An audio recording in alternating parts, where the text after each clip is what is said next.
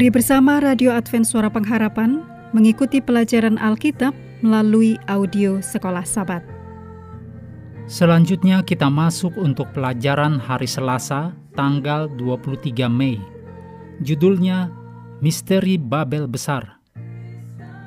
Mari kita mulai dengan doa singkat yang didasarkan dari Wahyu 15 ayat 3. Besar dan ajaib segala pekerjaanmu, ya Tuhan, Allah yang Maha Kuasa. Adil dan benar segala jalanmu, ya Raja segala bangsa. Amin.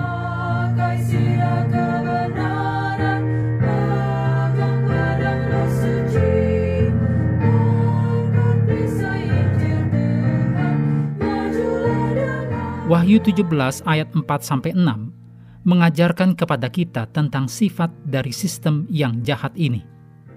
Seperti yang telah kita lihat, Wahyu pasal 17 menggambarkan sistem keagamaan yang murtad yang memperkenalkan banyak ajaran Babel Perjanjian Lama ke dalam kekristenan.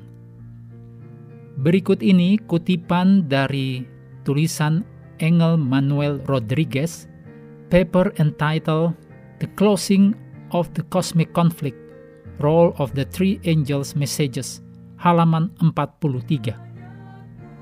Untuk mencari pemahaman tentang sifat Babel, kita perlu kembali ke referensi pertama dalam catatan kitab suci dalam kitab kejadian. Semuanya dimulai di dataran tanah Sinear, sebuah wilayah di bagian selatan Mesopotamia, sekarang yaitu Irak Selatan yang disebut Babilonia.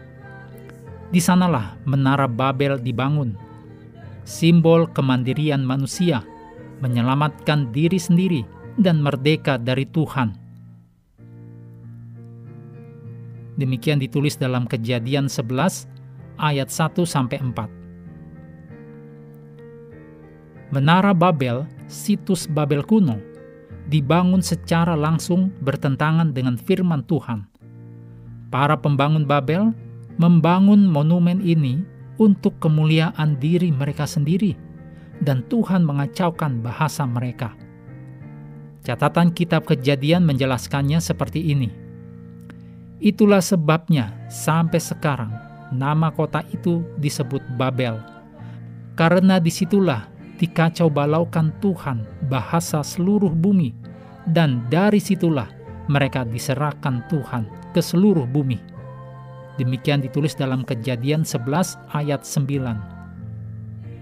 Begitu jahatnya sistem ini sehingga digambarkan sebagai mabuk dengan darah orang-orang kudus dan darah para martir Yesus.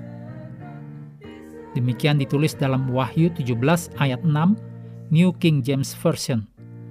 Gambaran mengerikan tentang betapa rusaknya Babel – Demikian ditulis juga dalam Yesaya 49 ayat 26. Intinya, Babel rohani mewakili agama yang didasarkan pada ajaran manusia, didirikan di atas gagasan manusia, dan didukung oleh tradisi manusia. Ini adalah bentuk agama buatan manusia yang dibangun oleh mungkin pemimpin agama manusia yang brilian, tetapi bertentangan dengan kekuasaan Injil dan gereja yang dibangun Yesus. Gereja yang dibangun di atas kasih, bukan kekerasan. Kitab Wahyu menggambarkan dua sistem agama ini. Sistem yang pertama mengungkapkan kepercayaan sepenuhnya kepada Yesus dan ketergantungan pada firman Allah. Sistem yang kedua mengungkapkan kepercayaan pada otoritas manusia dan ketergantungan kepada guru agama manusia. Sistem yang pertama adalah iman yang berpusat pada Kristus dengan bergantung total pada rahmat, pengorbanan, dan penebusan Kristus untuk keselamatan. Sistem lainnya adalah pendekatan humanistik terhadap iman yang menggantikan bergantung sepenuhnya pada Kristus untuk keselamatan dengan bergantung pada tradisi gereja. Kita perlu memohon Roh Kudus agar dapat melindungi kita dari pengaruh halus Babel. hal yang tampaknya sederhana seperti kecenderungan untuk bergantung pada diri kita sendiri dan tidak sepenuhnya bergantung pada Tuhan. Mengakhiri pelajaran hari ini, mari kembali ke ayat hafalan kita dalam Wahyu 17 ayat 14.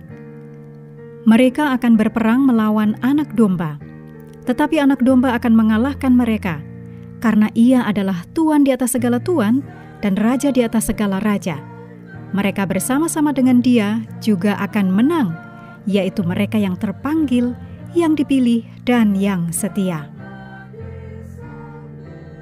Kami terus mendorong Anda mengambil waktu bersekutu dengan Tuhan setiap hari bersama dengan seluruh anggota keluarga, baik melalui renungan harian, pelajaran sekolah sahabat, juga bacaan Alkitab sedunia, percayalah kepada nabi-nabinya, yang untuk hari ini melanjutkan dari Mazmur 17.